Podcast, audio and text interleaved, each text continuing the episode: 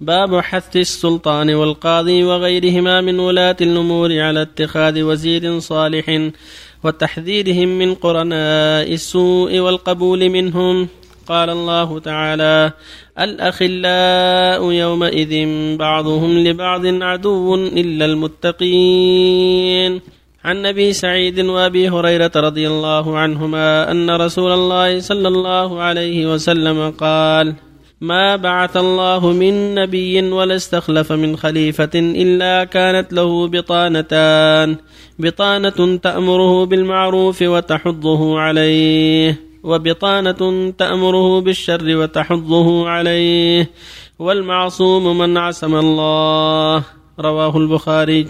وعن عائشة رضي الله عنها قالت قال رسول الله صلى الله عليه وسلم إذا أراد الله بالأمير خيرا جعل له وزير صدق إن نسي ذكره وإن ذكر أعانه وإذا أراد به غير ذلك جعل له وزير سوء إن نسي لم يذكره وإن ذكر لم يعن رواه أبو داود بإسناد جيد على شرط مسلم باب النهي عن تولية الإمارة والقضاء وغيرهما من الولايات لمن سألها أو حرص عليها فعرض بها.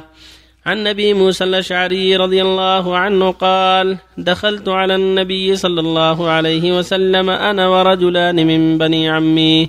فقال أحدهما يا رسول الله أمرنا على بعد ما ولاك الله عز وجل. وقال الآخر مثل ذلك فقال إنا والله لا نولي هذا العمل أحدا سأله أو أحدا حرص عليه. متفق عليه. بسم الله الرحمن الحمد لله وصلى الله وسلم على رسول الله وعلى آله وأصحابه ومن اهتدى به أما بعد فهذه الأحاديث مع الآية الكريمة فيها الحث على الأصحاب الطيبين والوزراء الطيبين والحذر من أصحاب السوء ووزراء السوء وعدم تولية الإمارة من طلبها وحرص عليها. يقول الله جل وعلا الأخلاء يومئذ بعضهم لبعض عدو إلا المتقين. الأخلاء الاحبه هذا فيه الحرص على خلة الطيب.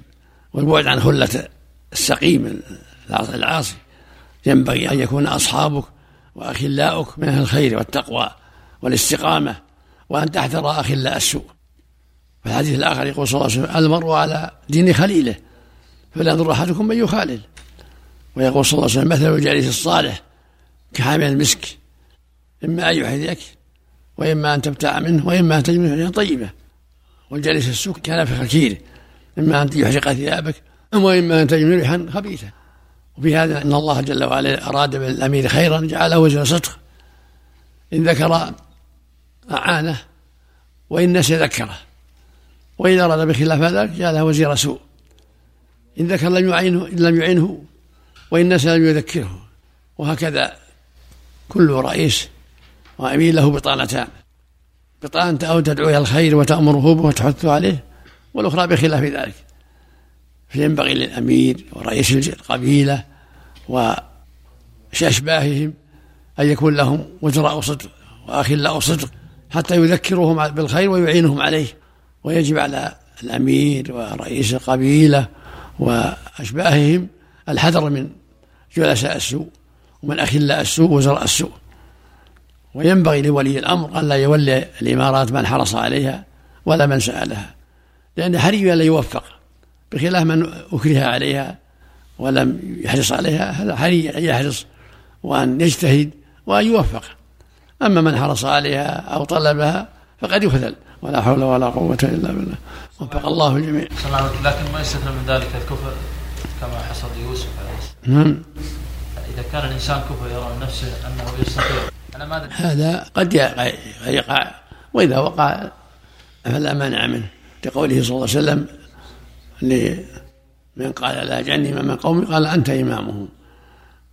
ولقوله في قصة يوسف جل وعلا اجعلني على هذا على خزني حفيظ عليم لما رأى يوسف من نفسه القوة على هذا الأمر المقصود أنه إذا رأى الإنسان أن الأمر يحتاج إليه وأن المسألة فيها يعني خيانات وفيها فساد ورأى الإصلاح فهو مأجور إن شاء الله. أليس تكون من تزكية النفوس؟ نعم. أليس تكون من تزكية النفس؟ لا لا لا إذا رأى ما هو قصد التزكية إذا رأى من نفسه أنه قادر على الإصلاح.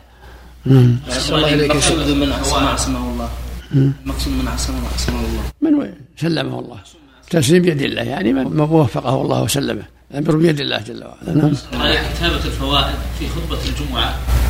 نعم. يكتب بعض المأمومين. لكثرة الفوائد الفوائد في وسط الخطبة. اللي يظهر لا ما ينبغي عليهم الإنصات. وإذا كتبوا يكتبون بعدين. أحسن الله إليك. هل كان الرسول صلى الله عليه وسلم له بطانة تأمره بالسوء؟ ظاهر الحديث العموم أنه أنه يبتلى الأنبياء وغيرهم لكن الله يعصمهم ويكفيهم. والله يعصمك من الناس. قد يبتلون يكفيهم الله. نعم مثل ما بالنسبة لتسجيل الفوائد ذكرها الأخ لو كان الأولى تسجيلها لا بأس. لا يسجلها والإمام يخطب لا.